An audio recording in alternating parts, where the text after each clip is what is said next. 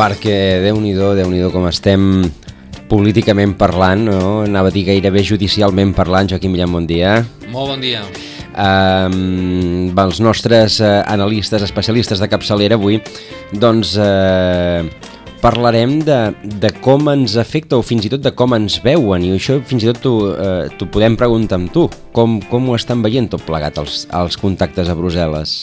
Bueno, en aquests moments, eh, aviam, hi ha, jo crec que hi ha molts debats oberts a nivell europeu i, per tant, el, el tema català és un tema més, no és l'únic tema que us podeu imaginar, però hi ha diversos temes. Ara mateix estaves parlant, un dels temes és que en aquests moments el senyor Jean-Claude Juncker està en el Parlament Europeu donant explicacions de cap a on ell creu i el govern i la Comissió Europea eh, cap on va amb, a nivell Unió Europea amb els grans temes que en aquests moments també tenim oberts, que és el canvi climàtic, el tema terrorisme, el tema immigració i refugiats, etc etc.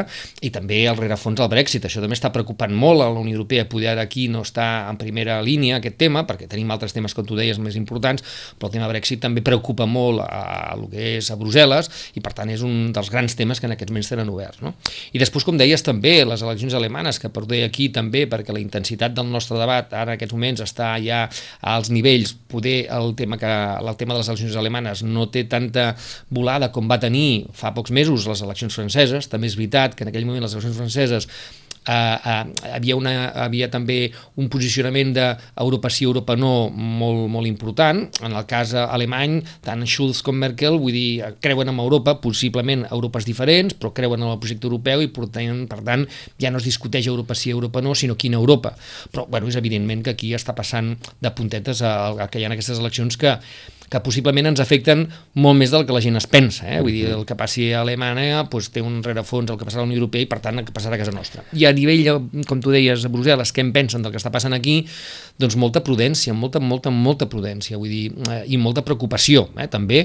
Ara cada vegada menys hi ha aquella, aquella situació d'ignorància de dir però què està passant, que no he entrat, la gent eh, realment ha fet els deures durant els últims mesos i realment cada vegada més hi ha hi ha coneixement de causa del que està passant i també amb això perplexitat de dir com s'ha arribat aquí i com és vital, com és possible que davant de, de, de, de, diguéssim, de l'aposta independentista, sobiranista, nacionalista, com vulguis dir, catalana, no hi ha hagut mai ni proposta de diàleg ni proposta alternativa d'un altre projecte eh, espanyol on Catalunya pugui encaixar i això és una mica el que sobta i el que, i que aquests moments doncs, a vegades a mi em comenten no? però realment no hi ha hagut mai no? però és que, és que, és que els hi costa d'entendre de com s'ha arribat a deixar que això arribi doncs mira, a l'1 d'octubre. No? És, Aquest és una mica el tema. Uh, no estaríem tant en, en qüestionar o deixar de qüestionar uh, doncs la, la situació que ha portat a, a, a una part de Catalunya o doncs, a, a, a la Generalitat a, a plantejar determinat debat, sinó doncs, la manca de, de respostes davant d'aquest problema polític. Clar, aquí hi ha una qüestió que, per exemple, alguns en comenten, no? pues perquè són gent que viatgen i per tant han estat a Barcelona i a Catalunya diverses vegades i deien, ostres, sabíem no? d'una mica, de, fa, és evident que tu vens a Catalunya i no ara, sinó fa un pila, una pila d'anys i veus que hi ha un sentiment català diferenciat al que podria ser un sentiment eh, espanyol, diguem-ho així, eh? sense ofendre ningú. Però que en aquell moment doncs, sempre havia un accent econòmic, no? el maltracte fiscal, el maltracte econòmic, etc etc. Ara el, la, la, la, la diferència és que la gent ja no parla d'economia, parla del maltracte emocional, personal i menys, menys teniment. I els hi sobta com el percentatge de gent que estaria disposada a, a votar un, hipotètic sí amb un hipotètic referèndum eh, ha, ha pujat, no s'ha doblat, s'ha triplicat. Diu, bueno, I això no és producte de, de les escoles i de, que, de, la, de, eh, de la TV3, perquè ens entenguem que és una mica l'argument que a vegades no, això les escoles de TV3 vull dir, eleccionen la gent que és idiota, no? sinó que això és la manca de sensibilitat que hi ha hagut per altres parts de no intentar entendre i, i, i, i d'alment construir ponts de diàleg i de consens. I com que això no s'ha produït, tenim aquest problema que en aquests moments arriba el percentatge que arriba i, i això és una de les coses que jo penso que sobta també a Brussel·les, no? la manca de cintura i la manca de, de diguéssim, d'estratègia de, política hi ha hagut en el tema català per part dels diversos, diversos i diferents governs espanyols. Això és un punt, no? I, i l'altre punt que com s'ha deixat arribar a on s'ha arribat en aquests moments, m'entens? No vull dir que realment és l'altra una mica incògnita que tenen, com és que, que, que vull dir que estem ja realment a, a menys d'un mes de, de, de, del referèndum eh, de l'1 d'octubre i, i que això doncs, és un problema, entens o no? Vull dir que per tant eh, aquest és l'altre també mm, pregunta, incògnita, eh, que, que no entenen com és que això ha arribat a, aquests nivells. I, I bàsicament és això. I després, doncs, esclar, bueno, aviam què passarà, no? Vull dir que això també ens passa aquí, eh? aviam què passarà l'1 d'octubre, el 2, el 3, el 4, mm. no només és l'1, sinó a partir de l'1 què passarà, no? Per tant, eh, si haguéssim de situar doncs, un, un top 5 dels, dels problemes en els que eh, pensa ara mateix Brussel·les com, mm -hmm. com a ens, mm -hmm Um, Catalunya estaria en aquest top 5, obvi òbviament, sí, sí, però no estaria sí. en el número 1, no, no, perquè hi ha, hi ha el Brexit... Bueno, de moment, és en aquests moments, és a dir, el, el, el, el que seria el soteu, el que en diem el soteu, que és justament el, el debat que hi ha avui, que és bàsicament saber cap on anem, eh, cap a aquesta Unió Europea. Volem més Europa, volem menys Europa, sabem que hi ha hagut un llibre blanc, una proposta de Juncker amb cinc amb cinc possibles escenaris. En aquests, eh, vull dir, el debat europeu és cap a quin dels cinc escenaris que el Juncker ha proposat o que ha establert amb aquest llibre és el que volem, no? I per tant aquest seria el primer punt. El segon jo crec que seria el Brexit, no? Vull dir que és l'altre tema que també fa trontollar el projecte i també ens posa qüestió perquè ens, ens permet debatre, no? I a partir d'aquí, bueno, jo crec que hi haurà, hi haurà gent que pensarà que el tema català és important perquè el que passi a Catalunya també afecta no només a Espanya, en afecta a la Unió Europea per moltes raons, i després també hi ha les eleccions alemanes i després hi ha altres temes que també eh, són capdals. Per tant, jo estaria amb el top 5 segur. Mm -hmm. Doncs eh, saludem en aquest punt a l'Albert Balada, el nostre, anava a dir, politòleg de, de capçalera. Mm, després de l'estiu, Albert Balada, bon dia. Molt bon dia. Um, ara comentàvem a, amb en Joaquim, doncs això, el, quin seria el top 5 de, de temes que preocupen a Europa? Catalunya seria un d'ells, però evidentment no el primer.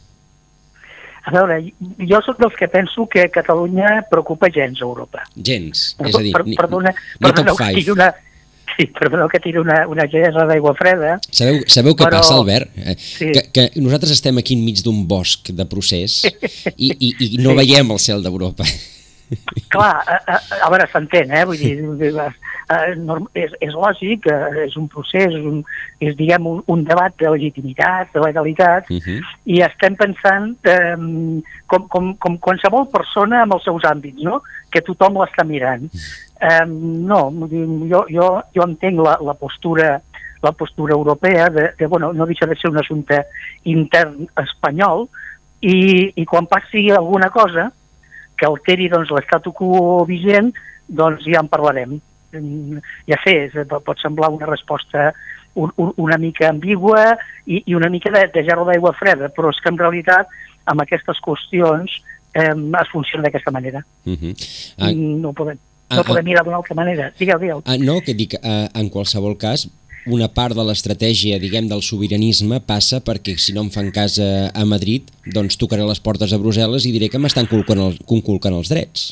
Mm, a veure, és, és una estratègia i, i, i és legítima. Uh mhm. -huh. el, el que passa que diguem, no, no, no hem de confondre els drets individuals amb, amb diguem, els drets com a nació, els drets com a estat, estat futurible, perquè eh, eh, això diguem, no, no és exigible davant, davant dels tribunals de la, de la Unió Europea. És a dir, la conculcació del dret individual, del dret de cadascú de nosaltres, sí que és exigible, d'acord amb, amb, amb la Carta de Drets i Deures que, que estableix la, la, la Unió, però diguem els drets com a nació, els drets com a poble, fins i tot els drets com a comunitat autònoma que es vol convertir en una altra cosa, això des del meu punt de vista, humil punt de vista, ho reconec, eh? jo crec que per aquí, diguem, poca, poca cosa hi ha a fer.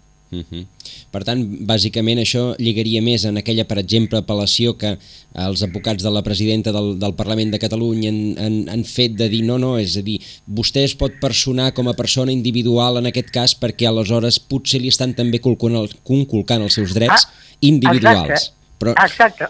O sigui, en el cas, per exemple, de, de, la, de la... No sé com està funcionant, diguem, l'articulació de, de, de, de portar els temes a, als tribunals europeus, no? Uh -huh. Però en el cas de persones individuals que consideren, president del Parlament, expresident de la Generalitat, que consideren conculcats els seus drets, és un cas diferent al, al cas en què, diguem, eh, Catalunya sencera se'n va al tribunals, als tribunals de la Unió o primer, primer se'n va a la Unió, ja veieu que la Unió està en silenci, no? Mm. Però vaig als tribunals de la Unió perquè considero els meus drets conculcats. Eh, és complicat, eh? Uh -huh. I des, des d'un punt de vista tant politològic com jurídic és molt complicat. Que el, que el president del Parlament Europeu es posicionés públicament té algun pes? A veure, la, això ho vaig publicar específicament al, vam, al meu Facebook. Ho vam llegir, ho, vam llegir. Ho, ho, ho, ho, intentava explicar-ho. És a, a dir, el, el, el, el senyor Tajani, uh -huh. l'any 2013, li atorguen l'Ordre del Mèrit Civil espanyola, que és eh, la, la segona condecoració en importància eh, a darrere de l'Ordre d'Isabel la Catòlica eh, d'alguna manera qui rep una condecoració d'aquestes característiques, sigui espanyola, sigui francesa, sigui alemana, sigui britànica, eh, t'obliga respecte de l'estat que t'ho ha donat. Eh, amb, amb el sentit que, per exemple, voy a posar un exemple molt tòpic però que ens pot ser útil aquí. Eh, vosaltres sabeu que Sean Connery és eh, escocès i, i força nacionalista escocès. Però en el moment en què li otorguen el títol de ser, Uh -huh. No heu sentit pas a Sean Connery que digui res sobre el tema del nacionalisme escocès. Per què? Perquè ell es deu a la corona britànica en funció del títol que li han otorgat i, per tant, eh, té unes certes obligacions, no estan escrites en lloc aquestes obligacions, eh? però hi ha una certa obligació. O la legió francesa, per exemple, no? No veureu que ningú dels, dels que han rebut la legió francesa, llevat que hi hagi refusat a rebre-la, eh? uh -huh. que digui res contra l'estat francès. O, eh? bueno, doncs aquí Tajani va fer el mateix a Tajani li havien otorgat aquesta condecoració fa quatre anys i doncs eh, se va inventar una defensa espanyola, o sigui, una defensa que s'havia demanat eh, pel, pel que sé de la Unió Europea, la Unió Europea tampoc la va fer, i llavors la fa ell de motu propi perquè té una obligació moral amb l'estat espanyol. No hi ha res més. Mm -hmm. O sigui, no té cap valor, diguem, el que hagi dit el senyor Tajani no té més valor que el valor de l'obligació per la condecoració que té. D'acord. Per tant, doncs, no, no implica un posicionament eh, de ningú més enllà d'un posicionament, òbviament, d'una formació eh, política o, o, o d'un criteri polític. Jo, jo diria que és personal, interessant. És personal. Sí, jo, jo crec que és... Sense, estic d'acord amb el personal, eh? Personal, és personal. Sí, sí. O sigui, no, no, no, no vincula ni, ni, ni els populars europeus, no vincula ni el seu partit que és Força Itàlia, no vincula la Unió Europea, només el vincula amb ell. Ara, és important ah, perquè és una persona de prestigi, reconeguda, clar, president d'una de les tres clar, institucions, això és cert, eh? no, clar, no vull dir, clar, una cosa clar, sí. que amb l'altra, és cert, i per això ho fa, eh? Si fos sí, sí, un mindongui, pues no ho hagués fet, ho fa perquè no, sap i, que i, això té un pes, no? I, i, i evidentment, Joaquim, eh, diguem un minut de com tu has molt ben dit, no, no tindria accés als mitjans de comunicació ni a la transcendència del que tu diguessis. Ell és, ell és el president de, de, del Parlament Europeu, per tant, té, té accés a mitjans de comunicació i el que digui té una certa transcendència, però en aquest cas no en té cap. És a dir, tret de l'aquest es vulgui utilitzar, eh? però uh -huh. pròpiament no en té cap. Per tant, si no és Catalunya el que importa a Europa, què és el que importa a Europa? Bueno, el, el Joaquim, us escoltava abans d'entrar jo, uh mhm. -huh. estava plantejant doncs, aquests cinc escenaris que descriurà el, el president de la, de la comissió, eh, eh, que, que, que si els analitzem així fredament, veiem que, um, sap greu tornar-ho a dir, eh? jo sempre sóc el de l'aigua freda, jo, jo crec que ben bé, ben bé no saben, no saben, no saben quin escenari han de, han de, han de fer. O sigui, es plantegen uns escenaris a 2025 que és eh, federalitzem-nos, mantenim la, ho simplifico, eh, mantenim el, el model confederal, eh, rebaixem el, el nivell confederal, eh, retornem al principi de mercat únic i mira, para, para tu de comptar, en realitat els cinc els dividiríem amb aquests quatre que us he dit, no? O sigui, no se sap ben bé eh, Europa en aquest moment. No, no vull dir que sigui un òrgan de grills i que, a veure, eh, la Unió Europea és la Unió Europea, és, és, és una potència mundial. Jo dic en el sentit que políticament avui en dia no se sap ben bé cap a on va. Possiblement, perdoneu-me que m'allargui tant, possiblement quan hagin passat les eleccions alemanes, que són ja, que -huh. són el dia 26, si no m'equivoco, eh, puguem tenir una mica de definició cap a on anirà. És a dir, l'eix eh, franco-alemany ens acabarà definint cap a on s'escora la Unió Europea. Però sembla bastant clar que les eleccions alemanyes les guanyarà Angela Merkel i aquí només el dubte estarà en, en saber quin pes tindran els socialdemòcrates si entraran dintre del govern o no. Eh, encara que entrin dintre del govern, eh, la, la, les projeccions demoscòpiques donen una victòria molt llarga, és a dir, no, no hi ha, no hi ha una, una dualitat diguem, de partits que, que diguem, estiguin aproximats uns als altres. Hi haurà una victòria de llarg, entre 16, 17, 18, podria ser fins i tot 20 punts de diferència entre, entre la CDU, CSU i l'SPD, potser menys, perquè a mesura que t'acostes a les eleccions les distàncies s'acurten, però s'acurten poc. O sigui, és una diferència molt llarga. Aquí queda, queda per veure alguna cosa que jo no s'ha sigut capaç d'interpretar, perquè he vist que també la senyora Merkel anava bandejant en funció dels seus interessos programàtics de cada dia. Eh, eh, per, per, en un moment determinat eh, està a favor de la immigració, per posar un exemple, eh, i en un altre moment determinat està absolutament en contra i vol tancar relacions amb Turquia. O sigui, està fent uns bandejos en moltes àrees de, de l'àmbit polític que a mi no em permet de veure què és el que acabarà decidint, perquè una cosa és el programa polític, ja sabem que té el valor que té, i una altra cosa és eh, aquesta línia tortuosa que amb la que s'està movent ara. Veurem, per això dic que fins al 27 no seria capaç de dir-vos, fins, al, fins al discurs, diguem, de, en aquella 27, 28, 29, en aquella proclami quin serà el seu programa, no ho sabria dir quin serà l'enfoc europeu. Uh, en qualsevol cas, Merkel uh, s'ha significat com si, diguem, la política europea més anti-Trump i, i probablement ja és... Uh, o no? Bueno, bueno, bueno, bueno, bueno, bueno, a veure, eh, estava intentant marcar, marcar diguem, perdoneu-me l'expressió, marcant paquet en un moment determinat, diguem, uh -huh. la Unió Europea té, té la seva pròpia significació, però fixeu-vos que en els últims dies de campanya principalment quan, quan han entrat en escena d'una manera molt més forta i potent a partir de la cimera xinesa, els BRIC, eh, ha sigut quan ella ja ha parlat de l'aliat americà, ha parlat de, de refer els ponts amb els Estats Units, de refer ponts amb el president Trump, per tant, diguem, ens han quedat només en la primera part de la imatge, però hi ha aquesta segona, que ha passat més diluïda pels mitjans de comunicació, però que hi és. O sigui, uh, diguem, els dos eixos d'alguna manera, no? O sigui, diguem, l'eix tradicionalment occidental, Europa, Estats Units, eh, Japó, i, i l'eix, diríem, no occidental, que seria els del BRIC. O sigui, ha, ha canviat una mica eh, aquella, aquella fórmula de... Perquè a més és molt útil eh, a, nivell de, a nivell polític atacar, atacar el president dels Estats Units. Eh? No, això és evident. sí. si, si posa bé, oi? si clar, posa bé. Si, posa, posa bé, però clar, diguem, si, si, anem, si anem a, a ser una mica seriosos, allà, diguem, aquesta és la part de broma, uh -huh. però si anem a ser una mica seriosos, l'aliat natural europeu no deixa de ser els Estats Units. Uh -huh. I, i, i, I les relacions i, i, i les connexions que hi ha, diguem, no, no només militars, eh, sinó polítiques, són els Estats Units. De tota manera, en, en aquest sentit, doncs, eh, el fet de que a nosaltres també probablement ens estan passant coses, i déu nhi perquè no, no parlem d'altra cosa de, del dia a la nit, fa que ens estem perdent doncs, una part de la pel·lícula. Bueno, a, a veure, eh, la, la, qüestió, la qüestió catalana, perquè diguem, no, no l'heu citat però m'esteu parlant d'això, diguem, és, és prou transcendent i important com perquè ens perdem una part d'aquesta pel·lícula. Diguem. Uh -huh. Aquesta pel·lícula funciona per ella sola i tindrà, tindrà les seves, la, la, la seva sortida també el mes d'octubre, tot és coincident, serà un octubre diferent aquest, Ai, no?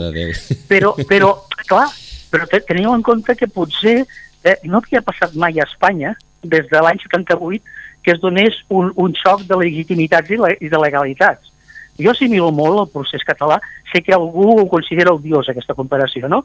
Amb el que va passar a Espanya el 78. A Espanya el 78 hi va haver un període, 76, 77, 78, en el que hi havia dos legitimitats i dos legalitats que anaven a cavall.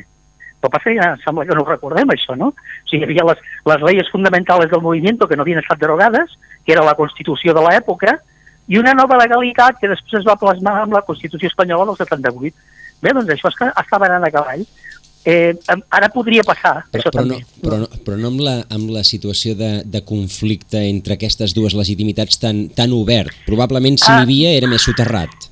Era més soterrat, la veritat és que era, era, era força més soterrat, però n'hi havia, déu nhi si n'hi havia. És a dir, el cop d'estat del 23 de febrer Mm, diguem, és com una mena de, de, de, de, de, de, de, de pistola que acaba caient a terra al cap de dos anys o tres, diguem-ne, no? O sigui, no, no, el cop no ha passat el 23 de febrer, sí, sí, ha passat el 23 de febrer, no m'he tornat boig, no? Però diguem, és, diguem, és el resultat d'una tensió encoberta que allà s'havia produït, no? O sigui que, diguem, fixeu-vos on vam arribar, no? O sigui, Espanya es dota d'una Constitució espanyola i, i pràcticament dos anys i mig després hi ha un cop d'estat. Vull dir que, clar, doncs, sigui, una, una cosa extraordinària. Bueno, no estic, no estic assimilant aquests conceptes, sinó el concepte de xocs de legitimitats, xocs de legalitats, veurem com acaba, eh? perquè evidentment no, no, no ho podem assimilar al 100%, no és el mateix procés, no és el mateix moment, sí, però se m'assembla molt. Anava a dir, hi ha gent que també parla del 34. Sí. Bueno, a, a veure, a veure, a veure. Dic, hi ha gent, hi ha gent. Sí, sí. No, no, que sí, sí. No, però és que, clar, amb, aquesta, amb aquesta gent, eh, a veure, jo aquí voldria fer eh, un, un, un comentari. Tot i que jo no sóc partidari d'aquesta, el que s'ha fet ara, diguem, no? De, de, de, de tirar enrere els judicis i aquest tipus de coses, no per res, eh, no. Perquè la dignitat, el, els morts i els afusellats ja no els hi tornes, estan morts i afusellats. I la dignitat l'hem de tornar de l'altra manera. Dit això, jo us diria que a, aquesta gent que ha fet això ha confós, per això parlo d'afusellaments, ha confós el 34 amb l'afusellament del president Companys.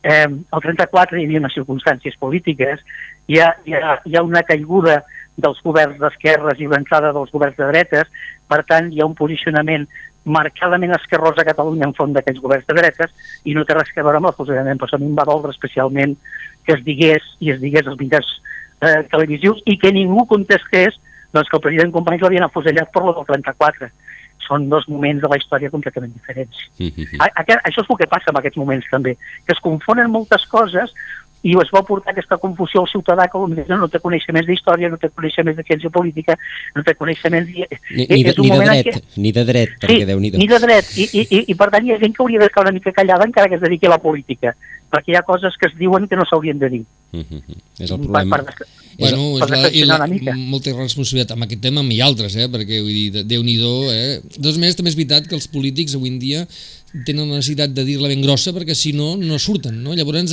aviam qui la diu més grossa i aquest també és un gran problema que tenim no d'ara, eh? de fa bueno, els bueno, últims bueno, anys. Eh? Sí, fixeu-vos, eh, perdoneu que faci un servir un tòpic, però d'aquesta política de 140 caràcters, o sigui, política de titular de Twitter. Sí, sí, dir, correcte. Intenta, intenta dir alguna cosa que no sigui massa complexa, que es pugui posar en 140 caràcters i que pugui circular per la xarxa. Això, això... Ah, és, és, molt, és molt greu, eh? Els estudiosos de la ciència política probablement teniu problemes per, per intentar doncs, eh, eh abstraure's d'aquesta nova forma d'actuar. Bueno, i, I aquí n'hi ha dos, un que són per desconeixement ho fan, i després hi ha sí. els més irresponsables que ho fan sapiguent que ho estan fent generant dubtes, generant dobles lectures, etc etc malintencionadament. I aquests, que també sabem qui són, perquè al final, aviam, eh, coneixes el personal, doncs per mi són d'una irresponsabilitat de, de, de gran alta, alçada, eh? vull dir que déu nhi Sí, però, però saps què passa, Joaquim? Eh, tot, tot, tot no sé de, de l'aigua freda ara, eh? eh diguem, a, a, els intencionats, els veus i els pots contrarrestar, eh, els necis et fan pena. Sí, no, I llavors, clar, mira, clar. llavors els, els deixes passar i aquests són els perillosos. Deixar passar la niciesa perquè dius, home, vostè és pobre, no en sabia més. Home, jo trobo més greu aquest, eh? ja sé, et contradic, però no et contradic, no? Uh -huh. Perquè, diguem, el, el, que, el que veus malintencionat, doncs, sempre hi ha alguna possibilitat de contradicció, però el neci el tendeixes a protegir-lo, i llavors això sí que és perillós, la niciesa. Albert, si us, si us, salu si us saludem d'aquí a un mes, eh, podrem ja explicar el final de la pel·lícula? Jo crec que sí. D'aquí a un mes tindrem molt clar, ah, teniu en compte que haurà passat, haurà passat l'octubre uh -huh. i, i, i, i s'haurà, diguem, ja posicionat també el, el model europeu d'alguna manera. Per tant, aquests dos, dos temes amb el que està parlant avui, eh, diguem, estaríem situats doncs, a 12, 13, 14 d'octubre, eh, si no solucionat, sí, sí veurem quina és la línia que estan prenent, claríssimament. Sí. Doncs bé, com, com les bones sèries, allò ens esperarem al final de temporada per acabar-les de, de comentar. Albert Balada, moltes gràcies bon, per haver-nos bon atès. Dia, bon dia, Albert. Moltes gràcies a vosaltres i bon dia. Abraçada. Doncs eh, continuem amb la, eh, amb la conversa amb, amb Joaquim Millan. Joaquim, mm, hem pogut parlar amb l'Albert la, Balada una miqueta, sempre posant-nos una miqueta d'aigua freda eh, en els raonaments. Sí, prudència, prudència. Jo penso que també és veritat perquè ara també eh, és molt complicat si vol ser de, de rigorós professionalment parlant, i ell com a piloto, politòleg ho és, doncs eh, dir segons quines coses. No? Jo penso que en aquest, en aquest cas és d'agrair que, que ens aclareixi conceptes i que en tot cas sigui prudent amb algunes de les qüestions que es donen per sentats per, per molta gent i que al final dius, bueno, bueno això s'haurà de veure, no? i a poc a poc. No? I per tant també jo penso que les seves, sempre les seves explicacions ens donen una mica aquest, eh, aquest toc d'aigua freda, però aquest toc també de realisme i d'objectivitat, de dir, bueno, és veritat, seguretat i veurem, no? Jo crec que estem també en un moment a Catalunya, a Europa, inclús para parlava també de les eleccions, ale, les eleccions alemanes, que eh, el resultat serà també, veurem també quina relació hi haurà a Europa-Alemanya amb els Estats Units-Trump, que també és interessant, perquè fins ara, pues, ara tampoc se n'ha parlat massa del tema, però bueno, abans d'estiu havia una mica de dir bueno, cap on ens portarà tot això també en l'ordre internacional o en l'ordre mundial o global, no? I per tant jo crec que s'han de restablir també eh, aquells ponts de diàleg i d'alguna manera que donin seguretat eh, a l'ordre internacional perquè si no ens trobem també en un altre moment de, de cavall desbocat a, a nivell internacional que, que sabem que per la història recent dels últims anys no ens porta mai a, a bones a solucions, no? Doncs de politòleg a politòloga. Saludem ara la, a la Marta Junque. Marta, bon dia. Bon dia. La Marta Junque, que és politòloga i màster en gestió pública, membre de la Joventut Europea Federalista i membre de la xarxa d'entitats europeistes de Catalunya. Uh, Marta, no sé si has seguit el discurs de, de Juncker en aquest dia de la, de la Unió Europea, no sé com estem per altres coses. Si li diem a la nostra audiència ara, uh, és que està parlant en Juncker, sí, sí, sí, nois, però, però, però bé, algú deu estar-lo seguint, oi, des d'aquí? Sí, sí, sí, sí l'he pogut seguir breument uh -huh. i també gràcies a, 8 a, a 324 es pot seguir en català, uh -huh. la qual cosa doncs, també a, a molta gent que potser no domini tant a l'anglès ens pot servir com a, com a portal de referència avui per poder seguir el discurs del president de la comissió. Doncs a partir, a partir d'aquí, primera, eh, ha dit alguna cosa interessant, innovadora mm, o que generi esperança i segona, ha parlat de nosaltres? Um, a veure, deixa'm dir que el Juncker m'ha sigut una figura revolucionària en termes de la Unió Europea, per tant, eh, et diria que coses revolucionàries sí que no les ha dit. Avui ha fet un discurs molt més polític que l'any passat, uh -huh. però ha fet un discurs bastant complaent en termes tant econòmics com en termes més polítics. De totes maneres, eh, sí que matitzaria que ha vingut a donar idees, eh, suport a idees com la que proposava Macron, que deia que s'havien de fer convencions democràtiques per escoltar els ciutadans eh, durant el 2018 i el Juncker li ha donat suport amb aquesta idea. Amb aquesta idea. També ha tornat a parlar doncs, que s'hauria de fer una Europa més, que anés més comuna, que anés més cap a fer coses conjuntament, i aquí parlat d'un discurs federal en temes d'intel·ligència, en temes de seguretat, en temes de canvi climàtic, i també parlava de fins i tot que hi hagués una única veu quan parlessin d'Europa en temes eh, de relacions exteriors, pues, que s'ajuntessin les dues figures, les de la Comissió les del president de la Comissió Europea i el del president del Consell d'Europa. Uh, són idees interessants, de totes maneres, des, de, des del meu punt de vista, crec que ha passat per puntetes per temes que els ciutadans ens preocupen molt, temes com són la fiscalitat, temes com són la desigualtat i sobretot que avui no ha tingut un relat eh, social, no? amb la gran desigualtat que hi ha a Europa després d'aquesta crisi econòmica, la veritat que s'ha deixat aquest relat social i tampoc no ha parlat d'una agenda migratòria europea, uh mhm. -huh. que són temes que jo crec que la gent ens preocupen. És a dir, als... digues, digues. Digues, digues. I respecte als catalans, no? que era la seva segona pregunta, Uh, no, de moment no ha fet cap referència al procés, s'esperava que la seva primera intervenció no la fes com a tal, uh, però tinc, tinc, el que he anat seguint a, través del Twitter sí que crec que hi ha diversos eurodiputats catalans que ara, amb el torn de paraules que tenen, uh, preguntaran a Juncker eh, sobre el dret de decidir que tenim els catalans i quina és la seva posició. Veurem si contesta, perquè, com hem dit al principi, està fent un discurs molt complaent i poc revolucionari, que és el que potser necessitaríem en aquests moments. És a dir, hem, per una banda hem sortit de la crisi, per una altra banda cal escoltar els ciutadans i per una altra banda cal actuar amb, de, de cara fora amb una, amb una veu comuna. És a dir, el, que, el sí. discurs que hagués signat tothom, si no anem més enllà, esclar. Sí, clar, sí, és un discurs, com et dic, uh, poc, més polític que els altres anys, que uh mhm. -huh. normalment feia un discurs una mirada més econòmica, es deixava una mica la política, però sí que des d'un punt de vista des d'un punt de vista dels que demanem una Europa bastant més diferent a la que tenim actual, eh, et diria que pues, poc, eh, pocs compromisos en aquest sentit pel pròxim any. Clar, per tant, ens tocarà als ciutadans no? fer aquest paper més, més revolucionari, més radical per demanar que realment la Unió Europea parli de temes dels que vulguem també parlar. A mi, a mi estic totalment d'acord amb la Marta i em sobta una vegada més el, el, el poc relat social del discurs del president de la Comissió Europea, que, com també deia la Marta, jo ho he dit dos o tres cops, un discurs molt complaent, complaent cap aquí, no? i jo crec que més cap als estats i de tranquil·litzar-los, de dir, bueno, la Comissió Europea farà, bueno, tirarà endavant el projecte europeu, però no ha estat tampoc un... Jo no diria tampoc que ha de fer el discurs radical, que, que, que a vegades des de la, des de la ciutadania s'ha de fer una mica, no?, exigir i, i d'alguna manera reivindicar.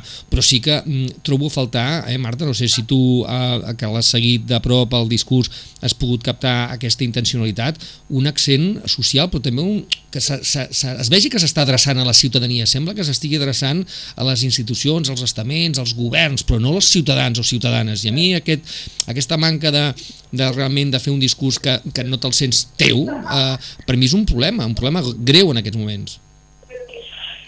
Sí, jo crec que en general aquest és un problema que vivim amb totes les institucions europees, no només que no s'adrecin a la ciutadania, perquè avui formalment no, el president de la Comissió Europea, que és l'encarregat de la Comissió Europea, recordem que és la institució encarregada de representar l'interès europeu, va i es presenta davant de la institució, que és el Parlament Europeu, eh, se presenta davant de la institució encarregada de, de, de representar el poble, de representar la ciutadania.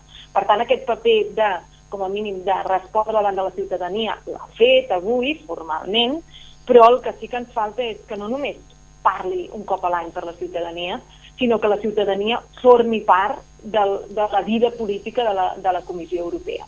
No? I jo crec que aquest és el gran repte, com fer que la ciutadania i les decisions que es prenen a les diferents institucions de la Unió Europea puguin ser controlades i supervisades per, per poder ciutadà o per representants de, de la ciutadania.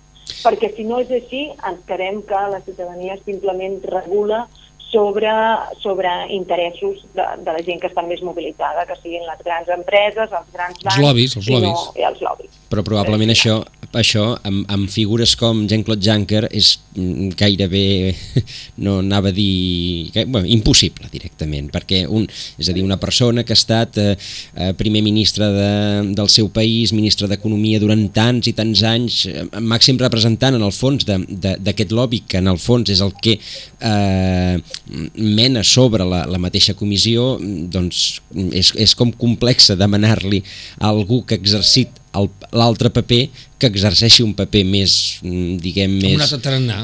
Exacte, amb un tarannà diferent. Uh, jo crec que exigir-li li hem d'exigir. Sí. Crec no. que és la persona... Crec que, no sé, i contestant a la teva pregunta, crec que possiblement no és la persona que li surt de manera més natural i, per tant, d'aquí endavant tenim les eleccions del 2019 on els ciutadans de tota Europa estem eh, cridats a, a votar i possiblement votar per altres candidates o candidats que puguin representar molt més aquesta voluntat popular. Però primer de tot hem de motivar i hem de donar raons a la gent d'aquí a Catalunya perquè vagi a votar en aquestes eleccions, explicar per què són importants aquestes eleccions quan volem parlar de política fiscal, cosa que ens afecta, ja que tenim l'euro doncs, a nivell europeu, doncs hauríem de tenir una política fiscal, quan volem parlar de política migratòria, quan volem parlar de canvi climàtic, són temes importants que s'han de regular des d'una perspectiva més, uh, més uh, internacional, més des d'una perspectiva europea, i on als ciutadans ens interessa tenir governs que representin el que nosaltres uh, defensem i no el que defensen només els grans lobbies organitzats. No, I a més hi ha un altre tema que també és molt important cara a la joventut, és el tema de la mobilitat, és a dir, anar aprofundint i donar un pas més al que tots coneixem com programa Erasmus. Jo penso que s'ha de, de també treballar aquest tema perquè la gent jove que està pujant és bàsicament amb ADN culturalment europeu, vull dir, no, no els hi posis etiquetes ni passaports ni carnets d'identitat, vull dir, la gent vol moure's i per treballar, per viatjar, per conèixer gent, per fer relacions personals, etc. I per tant jo crec que Europa ha de fer un, un pas més perquè la ciutadania en aquest cas ha superat eh, aquesta porta que va ser un moment donat, eh, fa 25 anys, 30 anys, l'Erasmus, no? per una banda. I per altra banda, jo penso que també això milloraria eh, bueno, doncs, eh, espais com pot ser, o àrees com pot ser en aquest cas a Catalunya, que és una, una àrea transfronterera, on evidentment el que puguem tindre una major eh, simplicitat amb les fronteres envers el que seria el sud de França ens millora molt amb l'àmbit doncs, de les empreses, els autònoms, els treballadors, etc etc, l'àmbit sanitari, educació, és a dir, en un moment donat jo penso que tots aquests temes s'han de començar avançant, perquè això és el que farà veritable ciutadania, i aquí jo penso, amb la Marta estic d'acord que els ciutadans aquí hem d'apretar perquè poder és el que ens toca més de prop, eh? parlar del Brexit és important, però al final el, el, el nostre dia a dia és aquest, no? i per tant jo penso que mm, Europa ha de baixar encara una miqueta més el dia a dia ciutadà. No, Marta, com ho veus? Totalment d'acord, i a més en un moment on Catalunya crec que hi ha diferents visions del relat que volem com a, com a, com a país, no? I el, crec que el referèndum de l'1 d'octubre doncs, eh, va en aquest sentit. Crec que una cosa que compartim entre una gran majoria dels catalans és que volem ser europeus, que volem continuar a ser europeus, independentment de si som un, un estat independent o no. Per tant, eh, aquest relat europeu, aquest desig de continuar sent europeu, però no en l'Europa que hi ha a dia d'avui, eh, hauria d'estar més a l'agenda política i per això celebro també que avui doncs, des de 324 doncs, puguin haver fet ressò d'aquest discurs i que ràdios locals i així doncs, doncs, també se'n se pugui parlar no? de què s'està parlant avui a la Unió Europea, coses que ens afecten a, a tota la ciutadania. No, i demà hi ha un gran debat a Barcelona, no? Crec que... Sí, demà, demà la XEC, eh, que és la xarxa d'entitats europeistes de Catalunya, eh, que la formem 10, 10 entitats europeistes, farem un debat conjuntament amb la Comissió Europea a les 7 de la tarda al recinte modernista Sant Pau per parlar justament de, del futur de la Unió Europea i específicament parlarem eh, amb, amb una periodista, que és la Carla Coromines, que també és investigadora al CIDOP, amb un professor de la UAB, expert en matèria internacional, i després també el, el representant de la Comissió Europea, en Ferran Tarradellas, d'aquí a Barcelona. Eh, tots, amb tots tres i altres ciutadans, que crec que ja són més d'un centenar de persones apuntades, discutirem sobre el futur de la Unió Europea i què és el que els catalans i catalanes pensem al respecte. Estem... Per tant, per tant, pot ser una bona, una bona posada en comú. Uh, estem, Marta, en un, ara mateix en un, en un moment per, per sentar les bases de com ha de ser doncs, aquesta, aquesta unió dels propers, no sé, 10 anys, 10-15 anys eh, el, el discurs de Juncker, el, el, el procés que està travessant Catalunya, les eleccions alemanyes que, que hi ha ara i que han de definir el model després d'aquesta crisi de l'europeisme, després de la crisi eh, econòmica, estem en el, en el moment de posar les bases de, de jo què sé, dels propers 10 anys d'unió? Personalment crec que totalment. Ara uh -huh. és el moment més que mai, vivim, sortim d'un procés, tu citaves aquestes dues grans eleccions que hem viscut aquest any, França i Alemanya, sempre els motors de la Unió Europea estan tenint aquestes eleccions, d'aquí en sortirà una política, una visió europea que ells també tenen, però a part d'això, l'any passat venim de l'elecció del Brexit i de l'elecció del Trump, i eh, bàsicament el que, el que és el moment ara més que mai amb aquesta Europa que no, no s'acaba de resituar ni social, ni econòmica, ni políticament, hem de, hem de, de donar-li des de la ciutadania un nou relat polític, un nou relat polític on ens sentim tots còmodes. Jo crec que, que definitivament ara és el moment. Com ho veus tu, Quim? No, jo d'acord amb tu, Marta. Dir, penso que realment, eh, vaja, també diré, eh, i, amb, i amb això amb el Joan eh, hem coincidit perquè eh, durant, els, durant els últims mesos, inclús els últims dos anys, jo m'atreviria a dir, jo he passat d'aquest eurooptimisme a un moment donat una mica de pessimisme perquè veia que, que, bueno, que, que les institucions no acabaven de creure-s'ho, la crisi, el Brexit, tot això, i pensava, oh, no anem bé, no anem bé, no anem bé. Però ara, jo crec que no sé si perquè vinc després de les vacances d'estiu i, perquè, i perquè penso realment, perquè en l'ADN porto aquest europeisme des del primer moment moment i tal, que, que, que penso que ara sí que crec que una vegada hagin passat les eleccions alemanes, és el moment. Després ja veurem si l'aprofitem, eh? Jo no estic dient que ara tot vagi millor, sinó que jo crec que és un bon moment per realment definir, sincerament, què volem fer amb la Unió Europea després de la crisi econòmica, la crisi institucional, el Brexit, els refugiats, etc. Tot un seguit d'aconteixements que han passat els últims anys que no han estat jo crec que les institucions europees no han estat a l'alçada del que poder la ciutadania esperava